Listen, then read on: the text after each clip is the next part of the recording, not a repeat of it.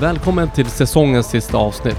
Jag vill börja med att tacka dig som lyssnar, följer, delar och stöttar podden. All kärlek till alla er där ute. Idag har jag med mig en 21-årig entreprenör från Örebro som åkte ner till USA för att satsa på golfkarriären. Han skulle bli golfproffs, men ångrade sig. Han valde att satsa på företagande istället. Idag kommer vi prata om vikten av ett starkt nätverk och entreprenörskap. Vi säger varmt välkommen till Hannes Rydell. Det här är Drivna under 30.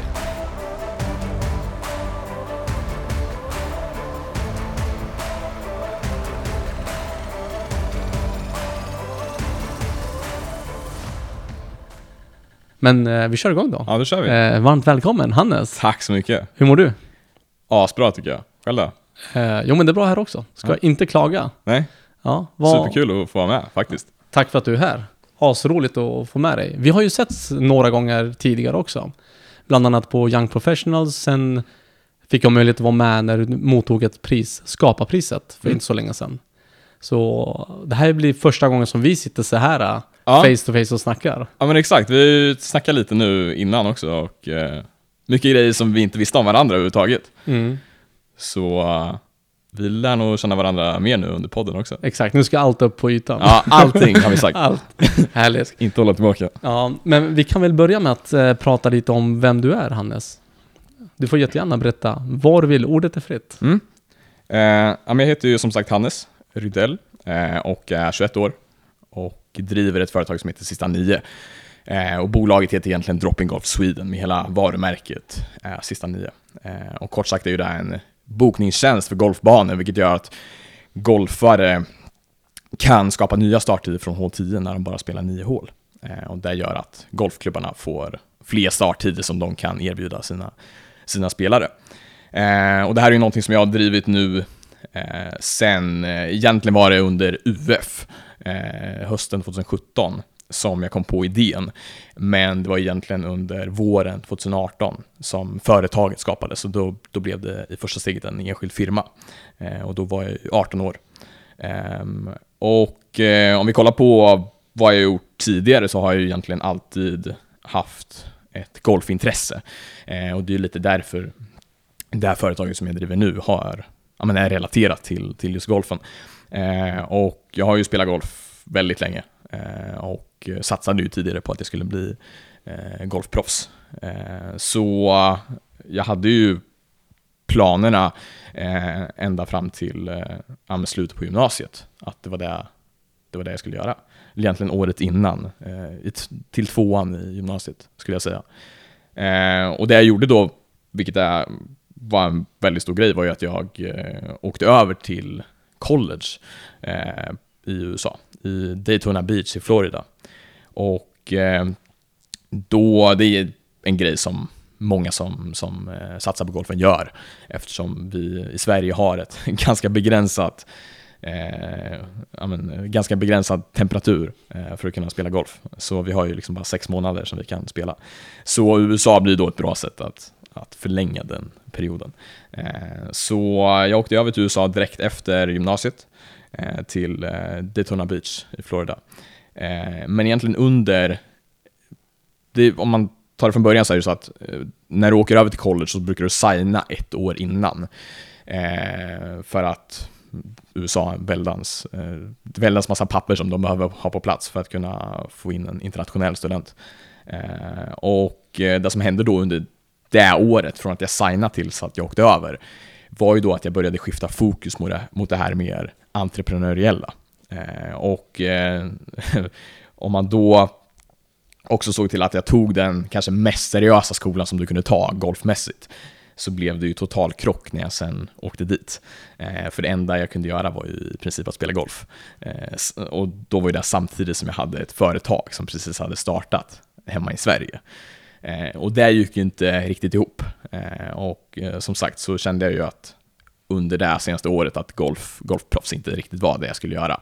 Så då åkte jag hem redan efter en månad.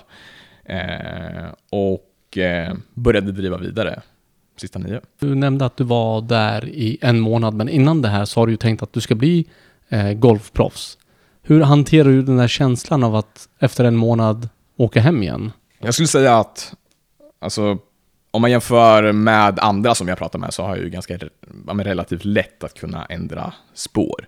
Eh, om jag känner att något spår är eh, viktigare för mig än, än någonting annat så behöver det inte ta lång tid innan jag har bytt det här spåret.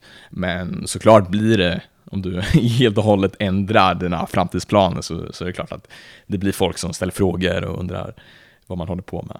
Men, eh, och i den stunden så kan det ju vara lite, lite halvjobbigt, men eh, långsiktigt så är det nog helt rätt att göra. Eh, oavsett vad det är du byter till, om det är där du tänker att du, du vill göra framöver. Du sa att du, du har lätt att byta spår idag. Mm. Jag kan tänka mig att för vissa är det ändå ett ganska stort kliv att ta. Om man har ställt in siktet på att det här ska bli, sen blir man någonting annat. Mm. I, I ditt fall har det gått jättebra. Men har du alltid varit sån? Sen du var mycket yngre än vad du är idag, eller? Ja, alltså det har väl varit ett par exempel där jag har, eh, där det har varit lite samma situation. Men kanske inte riktigt lika storskaligt som att åka hem från college efter en månad för att bli entreprenör istället. Eh, men ja, det har ju hjälpt till att jag har haft en, att jag inte har varit alltför rädd för att kunna göra den, den förändringen på det sättet. Eh, sen har det såklart varit lite motstånd också. Och framförallt i början när du, när du börjar berätta om det beslutet. Hur, hur togs det emot? Eh, egentligen var det ju någonting som kanske var hos de eh, personerna som var närmast mig, så var det ju kanske någonting som var på känn eh, sen ett tag tillbaka. Så det blev ju ingen, det var ingen jättechock att jag gick från att vara helt dyngseriös på golfen till att eh, på en natt liksom byta, byta till någonting helt annat. Eh, men på den, den skolan som jag, och egentligen så var det ju så också, där också, på den skolan och med coach, coachen i golflaget, eh, så kände ju han att jag inte hade riktigt samma driv för golfen som jag hade visat tidigare när jag fick scholarship på den skolan. Eh, så han, han sa ju det, att jag har märkt av det, att du, inte, att du vill göra annat eh, på dagarna. Eh, så jag tycker det är helt rätt att, att ta det här beslutet. Men ändå kul att du testar på. Jag sa det till dig tidigare, jag skulle, när jag var i din ålder skulle jag inte våga testa mig på en sån sak, att flytta utomlands för att studera. Även om jag hade drömmar som fotbollsproffs, så skulle jag inte våga göra det. Så det är ändå sagt att du gjorde det. För du nämnde, innan vi började spela in det här avsnittet så pratade vi lite grann om, om varandra då. Eh, hur du hittade skolan. Jag tycker det var en intressant story. Mm. Kan inte du bara lyfta upp det här också lite grann?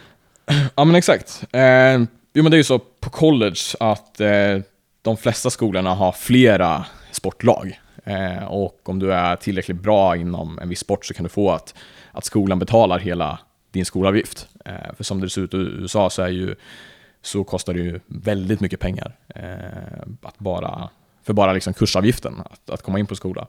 Eh, så om du kan få scholarship genom en sport så hjälper ju det till extremt mycket.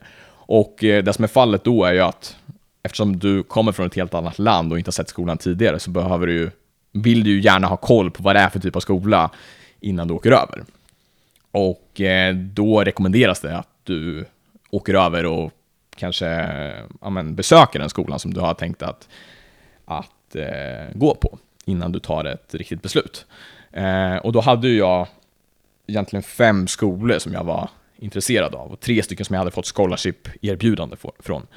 Eh, det var skola i, eh, ja, vad hade vi nu? Florida, Texas, eh, Los Angeles, eller ja, Los Angeles var det. Eh, och i eh, South Carolina.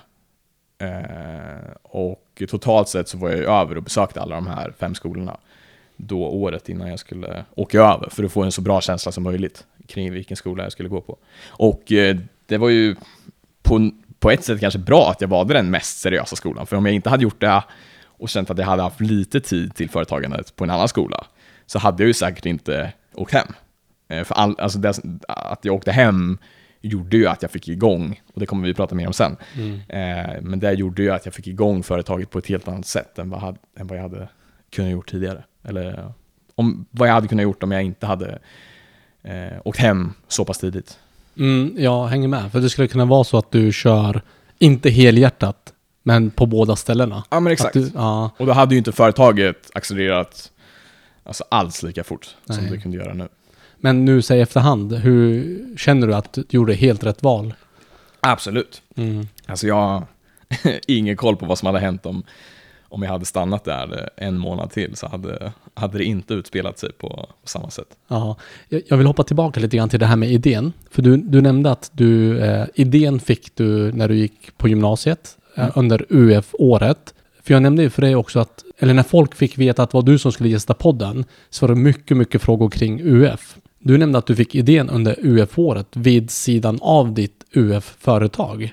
För du drev ett UF, vad var det för UF-företag du drev? Um, UF-företaget var tillsammans med två andra klasskompisar eh, Mm. och byggde egentligen på att vi skulle sälja annonsplatser på eh, plast, eh, på tygkassa var det. Mm. Eh, och det var ju lite anledningen, anledningen till att det inte gick så bra i just UF var ju för att jag hade den här grejen på sidan om som, som längs vägen blev allt mer intressant.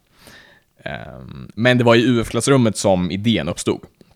Och det var ju egentligen genom att vi satt och spånade idéer i vår grupp eh, kring vad vi skulle göra i UF. Eh, och då började jag ju där kring vad jag själv var, hade för intressen och var bra på. Eh, för det är ju ofta där det startar, att du kan identifiera ett problem i ett område som du själv har en viss expertis inom. Eller hur?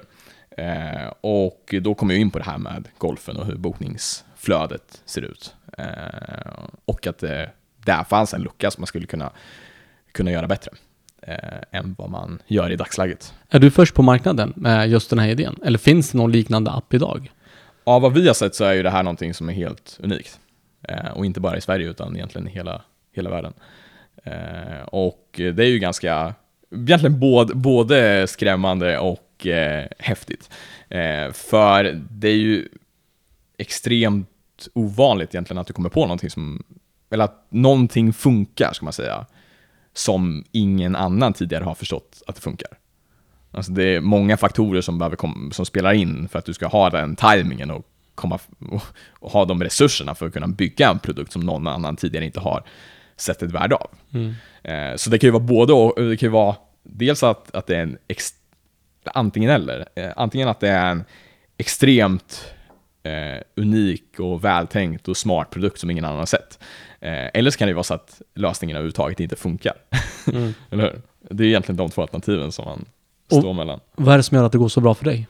Huvudanledningen skulle jag säga är för att jag har fått med mig rätt personer i början.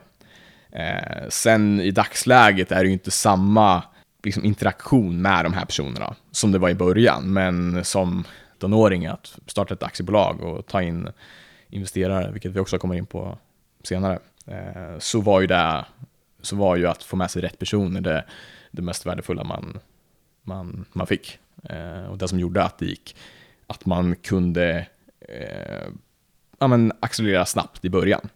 Eh, och jag tror att det är ett väldigt bra sätt för många som är nya till företagande. Riktigt intressant faktiskt. När du var 19 år och jobbade med Sista Nio, hade du någon aning om att du skulle vara där du är idag? Nej, eh, absolut inte.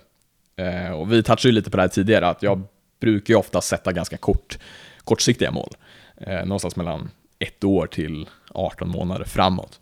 Eh, och eh, om man ser till kundsidan och intäktsmässigt så hade jag kanske eh, bli, alltså mål som, som eh, speglar det, det som finns i dagsläget. Men när vi, när vi ser på den här delen av att få med sig de här personerna och att, vad, vad det kunde innebära, så var ju inte det, det var ju någon, jag visste ju inte ens att det fanns, att det, att det gick att göra. Eh, så det var ju verkligen någonting som kom från ingenstans. Och hur kom du i kontakt med det? här? Ehm, det är ju egentligen, eh, det var ju någonting som kom fram av att jag åkte hem från USA. För som sagt så hade jag ju en, hade jag ju startat igång min enskilda firma eh, redan innan, innan jag åkte över till, till Florida. Eh, och eh, eh, hade ju då byggt en demoversion som jag hade testat på två stycken klubbar här i Örebro. Eh, Men det som hände där direkt efter att jag åkte hem från USA var ju att jag var- med på en pitchtävling som heter Creative Dragons eh, här i Örebro som hålls på Creative House. Eh, Och eh, då lyckades jag ju vinna den tävlingen för bästa affärsidé. Eh, Och genom att det då var ganska många tunga, erfarna eh, entreprenörer som satt med där i publiken eh, som jag pitchade för, så var det ju flera stycken som, som blev intresserade av vad det var för någonting. Eh, och som sen senare gick med som investerare eh, och bidrog med både pengar och med sin kunskap för att få företaget att, att lyfta. Intressant. Men just det här med Creative Dragons, hur kom du i kontakt med det? Vart hittade du det från första början? Mm. Eller vem var det som tipsade dig om det? Ehm, det var en kille som heter Kristoffer, eh, som är, tror han är innovations, eh, ansvarig för innovationsdelen på Almi i Örebro. Så som sagt så hade jag ju en, en demoversion sedan tidigare och den, den kom ju ut genom att jag hade dialog med Almi och att jag fick stöd från dem. Eh, och det var då de som sen tipsade mig för Creative Dragons. Så det var ju någonting som kom från ingenstans egentligen. Eh, på två veckors varsel att vill du vara med på det här? Och då sa jag att ja, det kan jag vara. Eh, och sen så gick det som det gick. Du, du vann det här med Creative Dragons. Vad, vad hände därefter? För du sa att du fick eh, med dig tunga Mm. investerare och entreprenörer. Ett av eh, priserna i Creative Dragons för att vinna bästa affärsidé var ju då att du fick en kontorsplats på Creative House i 12 månader. Och då första gången som jag, första gången som jag var med, som jag var på Creative House, Eh, när jag skulle bli introducerad för vad det var för någonting, så träffade jag ju en person som heter Niklas Molinder, som är grundare av ett techbolag som heter Oddly, eh, med eh, delägare som Björn Ulvaeus från ABBA och producenten Max Martin. Eh, och Niklas är ju också själv i grunden musikproducent och har jobbat med, med personer som Miley Cyrus och Lady Gaga. Eh, och eh, då var han en av, han var egentligen första personen som faktiskt trodde på idén eh, på ett annat sätt som, som ingen tidigare har gjort. Eh, och eh, då träffade jag honom första gången jag var på Creative House. Eh, och eh, han, han berättade att han tyckte att det var intressant och såg att det fanns en, även om han själv inte spelar golf, så såg han att det kunde finnas en stor marknad för det här. Eh, och sen på ett annat håll så var det så att ett golfproffs som heter Mattias Grönberg, som inte jättemånga känner till nu för tiden, men som har varit, han har varit rankad 65 i världen, en av Sveriges eh, bästa golfare på den tiden. Eh, spelade med Tiger Woods i, eh, i Open Championship 2003 tror jag. Wow. Och då hade ju han på Facebook sett att jag vann den här tävlingen med en golfidé som jag tidigare hade jag hade pratat lite grann med Mattias, så han visste ju lite vem jag var och jag, han, jag visste vem, vem han var. Um, och då tog vi ett första samtal, um, jag och Mattias, på, på Messenger. Liksom. Uh, och uh, jag berättade om idén och han tyckte att det var någonting som lät väldigt intressant. Och sen nämnde jag det här med att jag även hade pratat med Niklas. Och då visade det sig att de här två personerna känner varandra eh, från ingenstans. Och hade tydligen varit ute och festat någon gång också. Eh, och eh, då blir det ju lite dominoeffekt där åt båda hållen. Att, för, för båda är ju lite osäkra på om det här är en bra idé eller inte. Och om man kan tro på den personen som står bakom det. Alltså jag liksom som är 19 år där, kommer som aldrig har drivit företag tidigare. Med en powerpoint liksom, även om jag hade en liten demoversion. Men då blir det ju att ja, men Niklas förstår att Mattias tycker det här är intressant. Som är ett tidigare golfproffs på PGA-touren.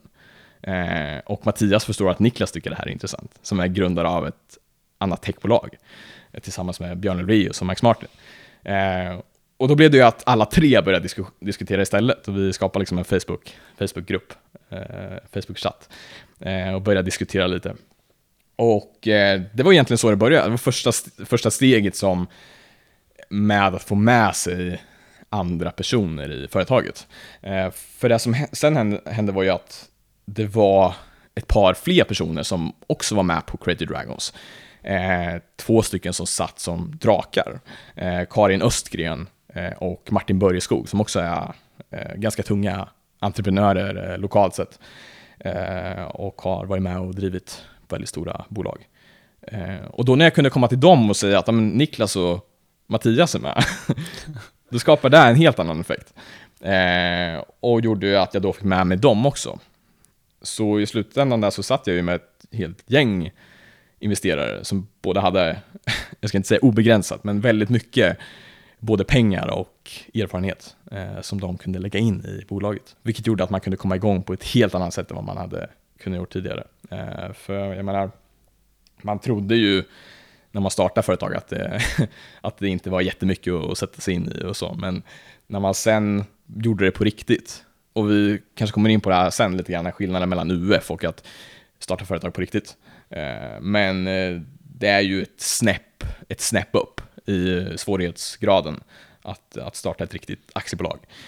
Och det märkte man ju då när man fick med sig de här personerna och de kom in med sina ja, men den strukturen som de vill ha. Där gjorde ju, även om den strukturen kom in så hade jag ju hela tiden hjälp från dem att få till den strukturen. Och då märkte man ju att om jag hade gjort det här själv, då hade det tagit liksom ja, ett år att bara sätta upp allting och sätta sig in i hur allting funkar. Man hade med sig de här gjorde ju att man istället kunde vara kunde kanske göra det på ett par veckor istället.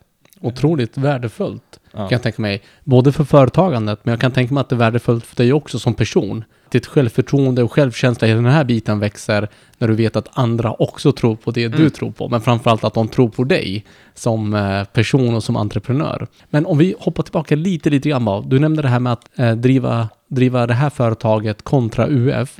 Det är ett steg upp i svårighetsgrad. Hur, hur menar du då? Jag skulle säga att största skillnaden mellan UF och eh, att driva företag på riktigt är att du får i UF så får du egentligen mycket ja, men UF och skolan som, som du går på staplar ju egentligen upp mycket åt dig. Alltså alla olika event, vart du ska gå till, råd, rådgivare. Även om, även om det är väldigt mycket jobb för att starta ett framgångsrikt UF-företag, så får du ju mer saker gratis. Medan om du driver aktiebolag själv, så är ju ingenting gratis. Då behöver du ju bygga upp allting själv. Eh, men, och på det sättet så tror jag att UF är ett sjukt bra spår att börja på. Eh, om, man, om man är helt ny till företagande. Men jag tror också att man behöver vara beredd på att när UF-året sen är slut och det kanske har gått bra och du vill ta vidare det här som ett aktiebolag, ja men då kommer det vara nya grejer som, som du tidigare inte har upplevt, eh, som du behöver komma över. Vi pratade ju om det lite tidigare också. Mm. Att det är bra med det här med UF. Man har, man har alltid någon att bolla med. Just det här med mentorer, man har skolan, man har de som jobbar inom UF. Jag tycker det är bra för man, jag tror att man får upp ögonen för andra organisationer och just det här med nätverkande, vilket Mm. vi också kommer att prata om. Ja. För eh, på UF har man ju det här du berättade, att man har lite kickoffer och allt det här, vilket gör att man, man träffar andra. Och sen blir det väl att man bollar med andra UF-företag också, så här vänner som driver någonting annat. Men när du sen driver ett eget, alltså ett AB, så måste du söka upp det helt själv, Mm. precis som du själv nämnde. Eh, du är ju bland annat med Young Professionals, vi har ju träffat där, träffats där några gånger, men du är också med i Geos. Mm. Varför, jag tänker på så här, nu har du ändå satt upp en, en grym struktur i företaget. Du har investerare, du nämnde själv bland annat Niklas och några andra. Varför är du ute och nätverkar nu? Varför är du med i Geos idag? Mm. När du redan har tunga entreprenörer som stöttar dig i det du gör. Största skillnaden är ju egentligen att det är en helt annan åldersgrupp i Geos. Jag menar, jag menar de investerarna som jag har med mig, ingen är ju under 40. Eh, och det är ju supervärdefullt. Men det är ju inte riktigt personer som jag hänger med på helgen, om man säger så, eh, som kompisar. Eh, och eh, det är ju någonting som man gärna vill ha också, personer som, som har samma intressen som en själv, som man eh, har med på ett kompisplan. Eh, och det är ju egentligen den största grejen med Geos. Att, eh, men det, om man kollar på hur många i Sverige som är under, men Geos är upp till 35, men om man kollar på personer som kanske är upp till 25 som driver företag på heltid, det är inte jättemånga. Eh, och eh, att då få komma i kontakt med de här personerna och prata med dem är ju jättevärdefullt. Eh, och hitta, hitta kompisar som gör exakt samma sak som en själv på dagarna och som har samma tankesätt. Eh, för det är ju någonting som, som blir ganska tydligt också när man träffar de här personerna, att eh, det är personer som kanske tänker på lite annorlunda sätt och som tänker mer som en själv. Eh, och det är ju någonstans anledningen till att de har eh, kunnat driva ett företag eh, på heltid i så pass ung ålder. Eh, jag såg från Ink, Ink Magazine, det vet vad det är, eh, att eh, snittåldern på startup-grundare är 40 år. Oj. Det är ganska sjukt. Jag blev helt, när jag, när jag såg det, för det är så lätt att kolla, se liksom i, i Breakit och i DI. Alltså de här supertalangerna som är mellan ja, men 20 och 25 som reser miljontals kronor och som, som eh, är hur vassa som helst. Och tror att det är det som är normalt egentligen. Men om du kollar på statistiken så är snittåldern att starta ditt första företag 40. Det är ganska sjukt. Oj, jag hade ingen aning om det. Nej, nej inte jag heller. Jag, för jag trodde ju att det var så, att det var, om jag gissar, kanske 28 någonting. Mhm. Då tror jag det blir så extremt värdefullt att, att hitta de här personerna som, som tänker som dig. Eh, för ty- tydligen är det ju inte, är det ju inte jättemånga som, som eh, har startat ett företag så pass tidigt. Eh, och därför tror jag att, att eh, det typet av nätverk, den typen av nätverk som Geos tillför är extremt viktigt, även om du har eh, investerare som kanske är mer erfarna. Men det är ju en annan, annan sida som, som Geos kan bidra med. Mm, och jag, jag håller med dig. Jag tycker också att det är extremt viktigt att nätverka. Eh, vi pratade om det tidigare också, att man hittar människor som kan pusha en, utmana en, som vågar tänka lite utanför boxen. Så att Mm. det inte är... För vi pratade om det så här, typ att om man... När jag var yngre så spelade jag fotboll och de jag spelade fotboll med, de gick också i samma klass. Alltså det, det var ju min värld. Mm. Jag umgicks med samma personer hela tiden. Idag är det annorlunda. Jag menar, jag vet att du är en sån där som är ute och nätverkar, du känner mycket människor, många vet vem du är, vilket gör att du vet inte vem du stöter på imorgon. Imorgon Mm. kanske du träffar på din nästa anställd eller vad det än är. Eh, vi ska prata om en sak till som jag tyckte var väldigt intressant, och det var det här med universitetet. Mm. För eh, hur ser ditt bolag ut idag? Hur många är ni som jobbar med Sista Nio? Mm. Eh, det är fem stycken, är det, inkluderat eh, mig. Och eh, då är det tre stycken som vi har, man kan säga att vi har anställt dem, men att den anställ, anställningen sker genom någonting som heter studentuppdrag, eh, som Örebro universitet har. Och det är kort sagt då att de, eh, de bidrar med eh, konsulter i form av studenter som går in och jobbar med ett ämne som de även pluggar inom. Eh, och det gör då att, att företagen som är med i det här kan hitta personer som kan jobba operativt i teamet eh, till en relativt billig kostnad, samtidigt som de kan hålla hög nivå på arbetet. Samtidigt som det blir ett väldigt lågt commitment egentligen, för det, det blir någonstans, eftersom de här personerna är anställda genom universitetet, så blir det inte riktigt samma commitment som att anställa någon själv genom bolaget. Och vilket upplägg. Mm. Eh, Det är ju verkligen så win-win. Både för studenterna som får komma ut i arbetslivet, men också för eh, arbetsgivarna som får in ungt blod som eh, tänker lite annorlunda. Riktigt smart upplägg. Verkligen, och ett bra sätt att börja på. Mm. Eh, för sen blir ju, är ju nästan naturliga steg att det går över till en anställning istället. Men eh, som många vet, som driver företag, så är ju inte att anställa personer, det är ju, kan ju vara väldigt mycket huvudvärk om, det inte, om du inte får in rätt person. Och då blir det här ett väldigt bra sätt att testa dem, den kompetensen som man tar in innan man anställer dem på riktigt. Eller innan vi hoppar in på vad som kommer näst, så tänkte jag fråga så här. Idag finns ni i hela landet om jag har förstått det rätt. Mm. Eller hur? Eh, din app. Och hur många, ungefär hur många föreningar eller klubbar använder din app? Eh, under det här året så hade vi drygt 40 stycken golfklubbar som anslöt sig. Eh, och eh, över 15 000 registrerade användare. Så, och eh, som jag touchade på tidigare så startade vi egentligen aktiebolaget eh, förra våren 2019. Eh, och det var ju då jag fick med mig investerarna och vi faktiskt skapade ett aktiebolag. Eh, och sen under den kommande golfsäsongen, för golfsäsongen är ju bara från ja, men april till, till september kan man säga. Eh, så testade vi ju på, vi fick upp en, en bra en, ett bra system som funkade eh, och körde ju då på två golfklubbar här i Örebro, Örebro City och Kårsta. Sen under vinterhalvåret mellan egentligen november 2019 och mars-april 2020 så eh, fick vi upp eh, antalet klubbar till drygt 40 stycken istället. Vilken ökning. Ja, På kort tid, känns det som i alla fall. Ja men Alltså- precis, det är ju någonting som har stickt ut om man jämför med andra tjänster. För golfindustrin är ju relativt odigitaliserad. Det är ofta, ofta äldre beslutsfattare och de måste bolla det med styrelsen fram och tillbaka för att man ska få igenom någonting. Eh, så det var ju någonting som investerarna själva såg som en, en svaghet i det här, att hur ska Hannes, för i det, här, i det här läget var det ju bara jag som drev det här, de satt ju satt ju och vinkade åt mig och gav, gav glada tillrop liksom. Och, och la in pengar såklart.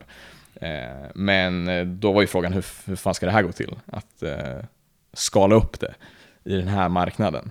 Eh, så det var ju någonting som var väldigt positiv överraskning. Eh, och vi passerar ju våra, de målen som vi hade sagt, satt upp för det här året. Eh, vilket inte är jättevanligt inom, inom startups. Det brukar ofta vara att du målar upp ett drömscenario som du sen kommer halvvägs till. Det är mm. det som oftast brukar ske. Mm, otroligt intressant, verkligen.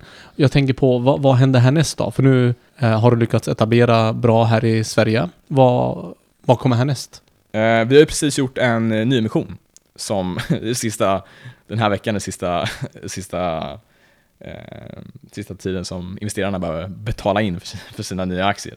Eh, och eh, tar ju in nu eh, precis över en miljon bara.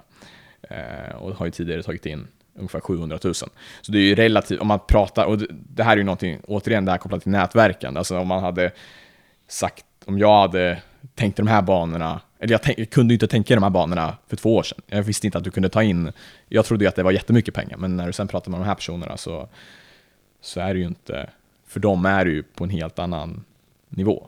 Eh, så vi säger ju fortfarande att vi har tagit in relativt lite pengar. Och syftet med den här rundan är ju egentligen att fortsätta etablera sig på den svenska marknaden. Eh, för att sen i nästa runda kunna gasa på och komma ut i Europa också. Eh, och vi har ju blivit ett av de yngsta bolagen någonsin att komma in i Business Sweden. Och det är en helt, det kan vi prata mer sen, men det är återigen kopplat till det här med dominoeffekterna av mm. att få med sig rätt personer. Eh, för det, ja, jag vet inte ens själv hur vi kom in där. Men eh, kort sagt, så det de gör är ju då att eh, hjälpa bolaget att förbereda för en internationell expansion. Eh. Hur känns det då?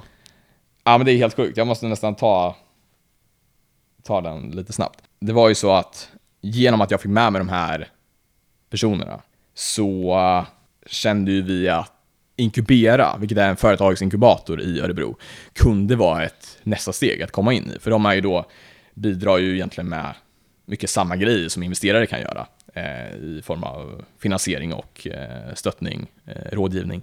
Och då, det, när vi sökte till Inkubera så var ju det egentligen helt galet. För det här bolaget var ju en produkt som hade två, två golfklubbar liksom anslutna. Och Inkubera är ju då ett, ett eh, ja, men en eh, inkubator där du ändå behöver ha kommit en bit för att kunna ansöka till. Men då genom att jag hade med mig de här personerna och kunde presentera dem som lite av en del av teamet, så blev ju det en helt annan trovärdighet. Eh, så det gjorde ju då att vi kom in i Inkubera i ett stadie som inte borde ha gått egentligen. Ehm, och genom att vi sen var med i Inkubera så fick ju vi stöttning till att vara med på en techkonferens i Lissabon som heter Web Summit. Och första, första vi behövde göra var egentligen att komma in där. Och eh, det är ungefär 30 000, 30 000 bolag som söker årligen från hela världen.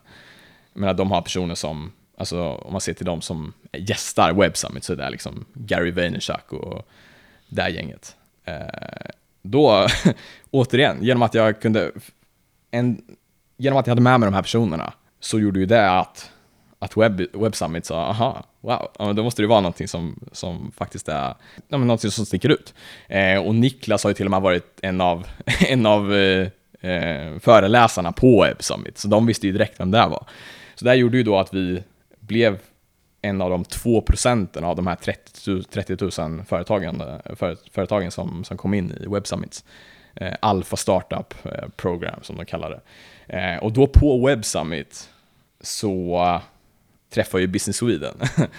eh, så, och då stack ju det här ut ganska mycket, för de såg ju ingen som var lika ung som mig, som var där eh, själv liksom. Och när jag var, samtidigt var svensk också.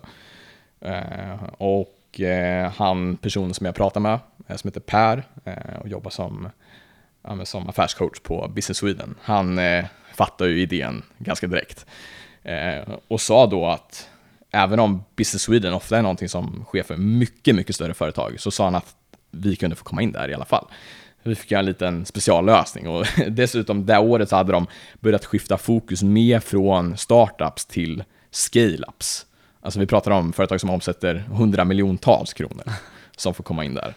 Eh, så han sa att vi gör en liten speciallösning och släpper in er här också. Eh, Grymt. Så det var ju så, så vi kom in där. Eh, och det är egentligen så här hela, om man sammanfattar hela resan kring sista nio så är det så här det har funkat. Att man har kommit in i sammanhang lite tidigare än vad man egentligen borde ha gjort. Och genom att man har gjort det så har nästa grej blivit möjligt.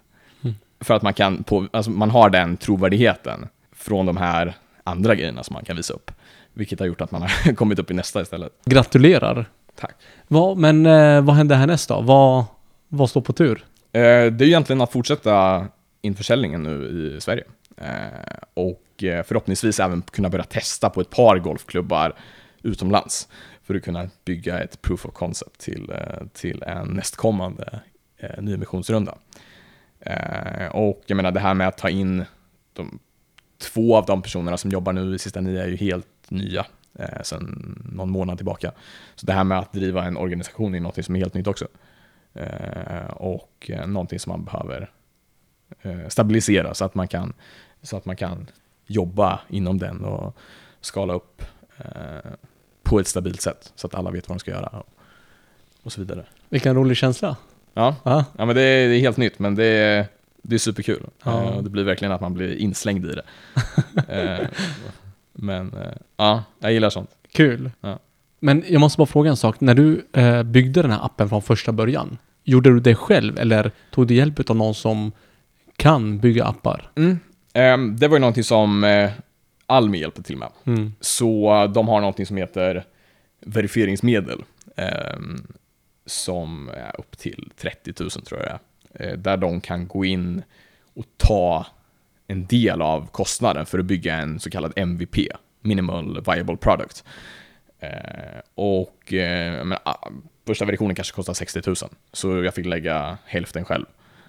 Och det var ju en risk i sig det här steget när man var 18 bast liksom. Men då var det en annan person från, som Almi hade kontakt med som byggde den här första versionen. Modigt att du vågar gå ut med 30 000 själv i den unga åldern. Ändå. Mm.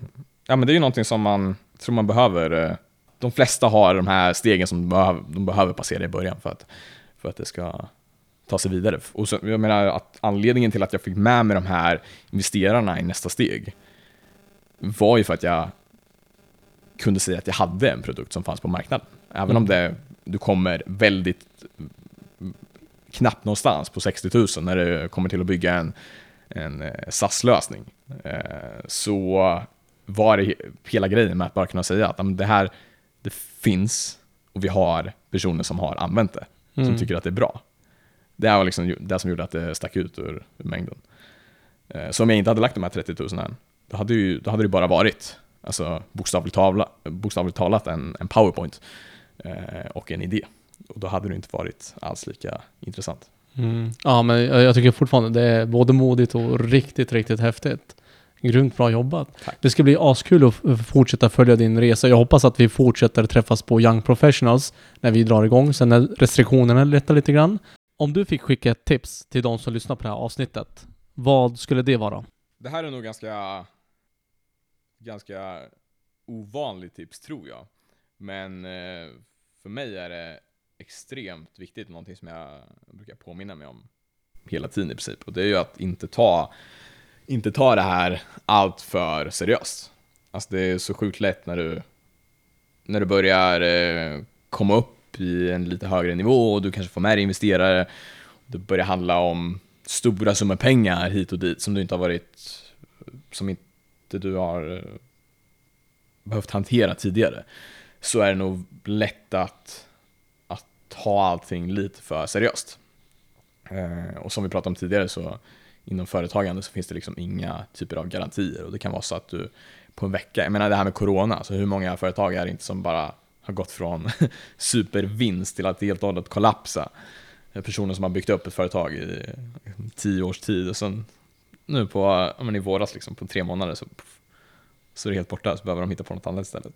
Eh, så ett av mina största tips är ju att inte ta, allt, inte ta det här allt för seriöst. Eh, och att även man tänka på vad är, liksom, vad är det värsta som kan hända med det? Vad är risken med att jag startar ett företag? Jag menar om vi kollar på i Sverige och jämför med andra länder så finns det ju ett sånt skyddsnät som är helt sjukt liksom. Alltså du, det finns liksom ingenting som kan gå åt helvete i princip. Mm. Eh, och när man har det i åtän- åtanke och hela tiden kan, kan tänka på det när det kanske går, när det är berg och dalbana i hur det går för företaget, så gör nog det att du kan vara mycket mer eh, konsekvent och kan hålla på med det här under mycket längre tid. Alltså jag har hört många andra personer i min ålder som börjar driva företag men som sen inte pallar. Alltså som säger att fan jag ont i magen varje dag, jag vet inte vad som kommer hända och om det är en kund som, som eh, kommer säga upp avtalet nu på, på, liksom en, eh, på en veckas varsel. Eh, och även om det går bra för företaget så tror jag att även då så kommer man ha den här pressen. För man, kan, man vet att man lika gärna kan, man blir istället rädd för att tappa det som man har byggt upp. Oavsett om det går bra eller dåligt för företaget så jag tror att om man tar det för seriöst så kommer man hela tiden gå under stress. Och då kommer du inte palla med det här. Mm. Eh, så, och jag menar om man, om man kan ha det, det tankesättet att fan det finns ingen, egentligen ingenting som kan, alltså ingenting som kan gå helt åt helvete med det här. Så även om, även om jag driver det här företaget och det går i konkurs efter ett år, så har jag sannolikt fått med mig så sjukt mycket som jag inte hade kunnat fått om jag till exempel hade kunnat börja plugga eller vad som helst. Eh, och jag menar, många personer som, som eh, vi touchade lite på det tidigare, eh, tänker ju att de vill börja med att kanske skaffa sig en utbildning, börja jobba på ett väletablerat jobb, tjäna in pengar och därefter starta företag. Men jag tror att det kommer vara exakt samma, om inte mer press, att det ska gå bra då, än att det gör det nu. Nu har du, om du är ung liksom och precis har gått ut gymnasiet eller är i universitetsålder så har du sannolikt knappt några som helst eh, saker att ta hand om. Eh, inga liksom, eh, ingenting som du behöver vara orolig för. Eh, kanske jämförelse med om du har en familj och behöver eh, veta att om, om företaget går skit då får inte min, då får min eh, familj skit för det också. Eh, jämfört med när du är ung, när det egentligen inte finns något som helst att förlora på det. Mm. Så jag tror att om man tänker på det så kommer det vara mycket lättare både att komma igång, men även att kvarhålla det. Mm. Eh, för annars kommer det vara extremt mycket press som du, som du sitter på. Jag tycker det är intressant, för jag, jag tycker att det där tankesättet kan man ha även om inte man driver ett företag. Absolut. För tidigare när jag jobbat som chef och haft eh, eh, medarbetare som, har, som jag har jobbat med, då har jag brukat ställa frågan vad är det bästa som kan hända? Det mm. när man står inför en utmaning. För oftast tänker man så här, vad är det värsta som kan hända? Om man vänder på det så här, vad är det bästa som kan hända? Ja men när vi har klarat av den här utmaningen så kommer du känna dig 100 kilo lättare mm. och kunna driva det här vidare. Jag personligen försöker tänka så väldigt många gånger. Jag vet att Tim Ferriss, vilket är en person som en av mina idoler, som har skapat en bok som heter Four Hour Work Week. Jag vet inte om du känner till honom också? Nej. Nej. Eh, en av, av de, han ska du ha på podden ska jag säga. Han är en riktigt intressant person. En av mm. kanske världens kändaste entreprenörer. Och han pratar om det att det var en av de grejerna som gjorde att han eh, hans företag eh, kom till ett steg som det inte hade kunnat komma till tidigare. Vilket var att han målade upp liksom worst case list eh, för saker som kunde hända om han nu, det han skulle göra var att han skulle ta semester och flytta till Europa i liksom x antal månader. Eh, och för att han liksom hade gått in i väggen. Typ. Eh, och när han sen målade upp de här worst case scenario så insåg han att fan, det är inte så mycket som kan hända egentligen. Alltså, det, det som han tänkte innan han målade upp det här i en lista var så mycket värre än vad det faktiskt var. Och sen, så då tog han det här beslutet att åka över och ta semester och då visade det sig att företaget gick på på exakt samma sätt som, som tidigare. Även fast han inte var med där och försökte, hade kontrollbehov och ville styra varenda liten person som jobbar i företaget. Ehm. Jag, tror att det är, för man brukar ju prata om det här, måla upp eh, best case Mm. scenarios. Men Och jag, motivera jag, sig kring det, men jag tror att det är, det är minst lika bra tips att måla upp, men vad är det värsta som kan hända med att jag tar det här beslutet att, att starta företag? ja, men jag tror att det är också ett klockrent tips. För oftast är det värre, alltså man målar upp en värre bild i huvudet än vad man kan få ner på papper. Ah. Och sen när man får ner det på papper så ser man att okej, det här var inte, Nej, det var inte så illa. så jäkla illa Nej, ändå. och sen kommer det sannolikt vara så att det, det, det som händer kommer inte vara i när, närheten av det som ens står på pappret. Nej. ja, nej men verkligen. Jättebra tips. Tack för tipsen. Mm. Nu tänkte jag att vi ska börja med lite frågor från eh, lyssnarna Ja. som har ramlat in på Instagram. Yes. Eh, men innan vi börjar med det så vill jag veta om någon vill komma i kontakt med dig, hur och vart, eller hur går man tillväga? Eh, LinkedIn eller Instagram är LinkedIn. nog det bästa. Mm. Då är det Hannes Rydell. Jag kommer tagga dig på både Instagram och eh, LinkedIn. Yes. Ehm, och sen har du också sista nio på Instagram. Ja men exakt, Ehm, mm. det funkar också. Men eh, då kör vi igång med lyssnarfrågorna först Ja. innan vi hoppar in till mina egna frågor. Säg till när du är redo. Yes. Första frågan är, eh, hur fick eh, Hannes idén från första början? Det var ju då egentligen genom eh, en eh, lektion Eh, och genom att vi då hade satt oss ner i vår grupp och eh, brainstormat olika typer av idéer. Sen var det ju så att vi ehm, i just UF valde att inte köra på den här idén för att vi tyckte att det var för komplext. För att eh, det var kopplat till att behöva bygga en app och så vidare. Eh, men det var ju genom UF och genom att man satte sig ner och tänkte på de eh, områden som man själv hade någon sorts ex- expertis inom som man eh, som jag hittade en, ett hål, en lucka eh, med ett problem som man skulle kunna lösa på ett bättre sätt. Hur har din uppväxt påverkat den du är idag? Ehm, jag skulle ju säga att, eh, som vi pratade om tidigare, det här med golfen har ju gjort att man har kunnat varit extremt disciplinerad. Eh, och kunnat jobba många fler timmar än, än vad man borde göra ibland. Eh, och, eh, att, och det har ju gjort att man har kunnat få igång företaget mycket, mycket snabbare än, än vad man hade kunnat gjort annars. Jag har en idé. Jag vill starta en app, ett företag. Vad är dina bästa tips till mig? Det var ingen fråga, men du Mm. får jättegärna komma med tips.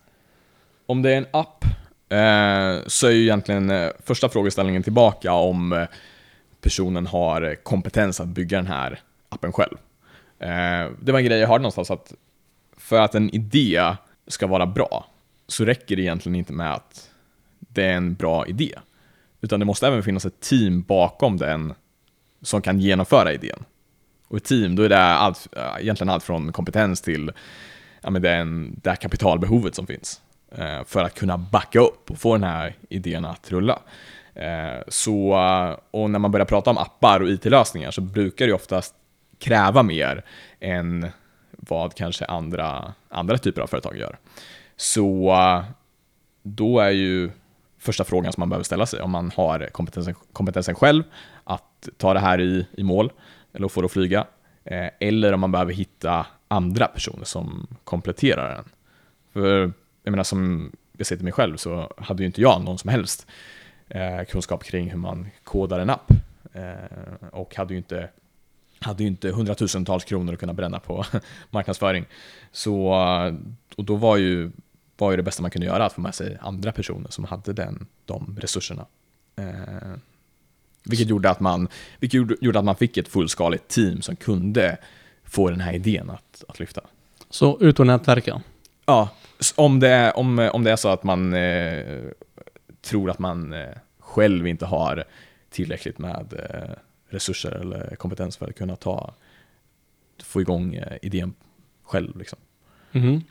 Vad är det svåraste och vad är det bästa med att driva ett företag? Svårast är väl egentligen, och det är nog helt från person till person, men svårast är väl egentligen att det inte finns några som helst garantier. Alltså att eh, det räcker med att säga att du har en, ett konsultföretag och har tio stycken eh, företag som du jobbar med och är hela din, hela din eh, intäktskälla. Så räcker det med att de här tio, tio kunderna säger upp avtalet med dig, så står du där utan några som helst pengar in. Eh, och eh, för min del så är det här någonting som jag gillar. Alltså, även om det såklart finns tillfällen då det kan vara jobbigt också. Men eh, det är ju, och jag tror att i princip alla kan relatera till det och det är det som gör att, gör att eh, alltså entreprenörskap är, är så pass svårt i grunden. Att det är liksom du själv och teamet bakom företaget som behöver få det här att lyfta. Återigen skillnaden lite grann mellan UF och, och företag. Att, och att starta ett eget aktiebolag. Att det är ju du som gör allting. Och eh, det är, andra personer kanske står och hejar på dig. Men eh, i slutändan så är det ju du som behöver göra jobbet för att, för att kunna kvarhålla eh, företaget och få det att fortsätta rulla. Um, sen, vad hade vi mer? Vad är det bästa, bästa. med att driva? Ja. Eh, bästa är ju egentligen, det blir ju kopplat till samma sak. Så det är ju egentligen den positiva sidan av, av det, att du får ju styra över allting själv. Eh, och eh, jag tror återigen, det är någonting som du behöver fråga dig själv om, om det är någonting som du, om, om, din, om det är någonting som din personlighetstyp eh, vill ha. Alltså om, om, du gillar det här med att, att eh, helt och hållet kunna bestämma hur du fördelar dina timmar, vad du gör, när du gör det. Eh, det är ju det som jag tycker är absolut bästa. Eh, och det är ju bästa sättet för mig att hålla mig motiverad. Om jag jämför med hur det var i skolan, att ha någon som hela tiden sa åt mig vad jag skulle göra för uppgifter eh, med regler så här. Så gjorde ju det att min motivation gick i botten istället. Så, och jag tror att det här är jätteolika från person till person. Att vissa vill ha, ha det mer strukturerat, ha personer som säger åt dig vad, vad du ska göra. Eh, Medan andra vill ha det mer fritt. Eh, och för mig är det det absolut bästa. Vart tror du sista nio är om tre år? Om tre år, då är vi etablerat företag i flera europeiska länder. Eh, vi ser ju, som jag pratade om tidigare, att det finns en internationell marknad. Eh, och eh, det är ju hela anledningen till att investerare har gått med i från början, att de ser att det finns en stor potential med eh, lösningen. Så det skulle jag säga är treårsmålet. Att vara i mellan fem till tio europeiska länder och även ha börjat testa utanför de europeiska gränserna. Mm. Nu kör vi mina frågor. Ja? Vad har du för motto i livet? Kom ihåg att det är snabba frågor. Ett motto pratar vi om då. Ja, du får säga fler om du har Nej, men det. Är, det är väl egentligen att göra det du själv vill göra. Eh, när jag har bytt spår mellan till exempel från golfen till entreprenörskap så har ju alla som har varit engagerade inom golfen sagt att men det här, så här kan du inte göra. Att, eh, ja, men du har ju, nu har du ju satsat i eh, hela ditt liv på att du ska bli golfproffs. Och sen eh, kommer du här på ett halvår och bara totalt skiftar spår. Men eh, det kom ju genom att jag själv kände att är det här någonting som jag vill göra liksom resten av mitt liv? Kontra det här istället. Och då var liksom svaret nej på den frågan. Och då kör jag på det andra istället. Och så är det alltså inget mer med det. Mm. Eh, och jag tror att det är, det är någonting som väldigt många fastnar för. Om man ser till att starta företag själv så, så är det ju väldigt mycket åsikter som kommer att komma från alla olika håll. Eh, och att då göra det du själv vill och göra det i princip ja, men, så, så snart det går. Eh, för det är så lätt att säga också att jag kommer driva företag men jag ska göra Jag ska börja med att eh, jobba nu i eh, tio år och etablera mig som VD på ett annat stort företag och sen ska jag starta eget. Men jag tror det är lätt att fastna i, i det här spåret istället. Så att göra det, göra det du vill och göra det så fort som möjligt. Mm. Din konstigaste talang? Eh, såna magi, magitricks. Kan du det? Ja, några stycken. Okej. Ångrar du någonting du har gjort? Det är klart man gör det. Det finns nog ingen som, som kan säga annorlunda. Vad är din sämsta egenskap? Eh, det är nog kopplat till eh, mitt motto som jag pratade om tidigare. Ibland kan det gå över gränsen kring hur snabbt jag vill få saker att hända. Alltså om jag får en idé att ja, men nu ska jag göra, det kan vara vad som helst, det kan vara att jag ska göra någonting eller att jag ska ha någonting. Så kan det, kan det kan man bli liksom helt besatt av det. Eh, och om du då eh, samtidigt förmedlar det till andra människor så kan de ju tycka att du är helt ja, men, knäpp. Liksom. Att eh, det, det ibland eh, går lite för fort kanske i olika beslut och hur, hur snabbt man kan byta, byta spår liksom, baserat på vad man själv vill göra. Eh, så det, det är både, både fördelar och nackdelar. Okej, då behöver jag inte fråga vad som är din bästa egenskap. Nej, men det, det är verkligen eh, samma sak men andra sidan av myntet. Nämn två saker på din att göra-lista. Vi ska ha en demo nu eh, så fort vi har avslutat det här samtalet.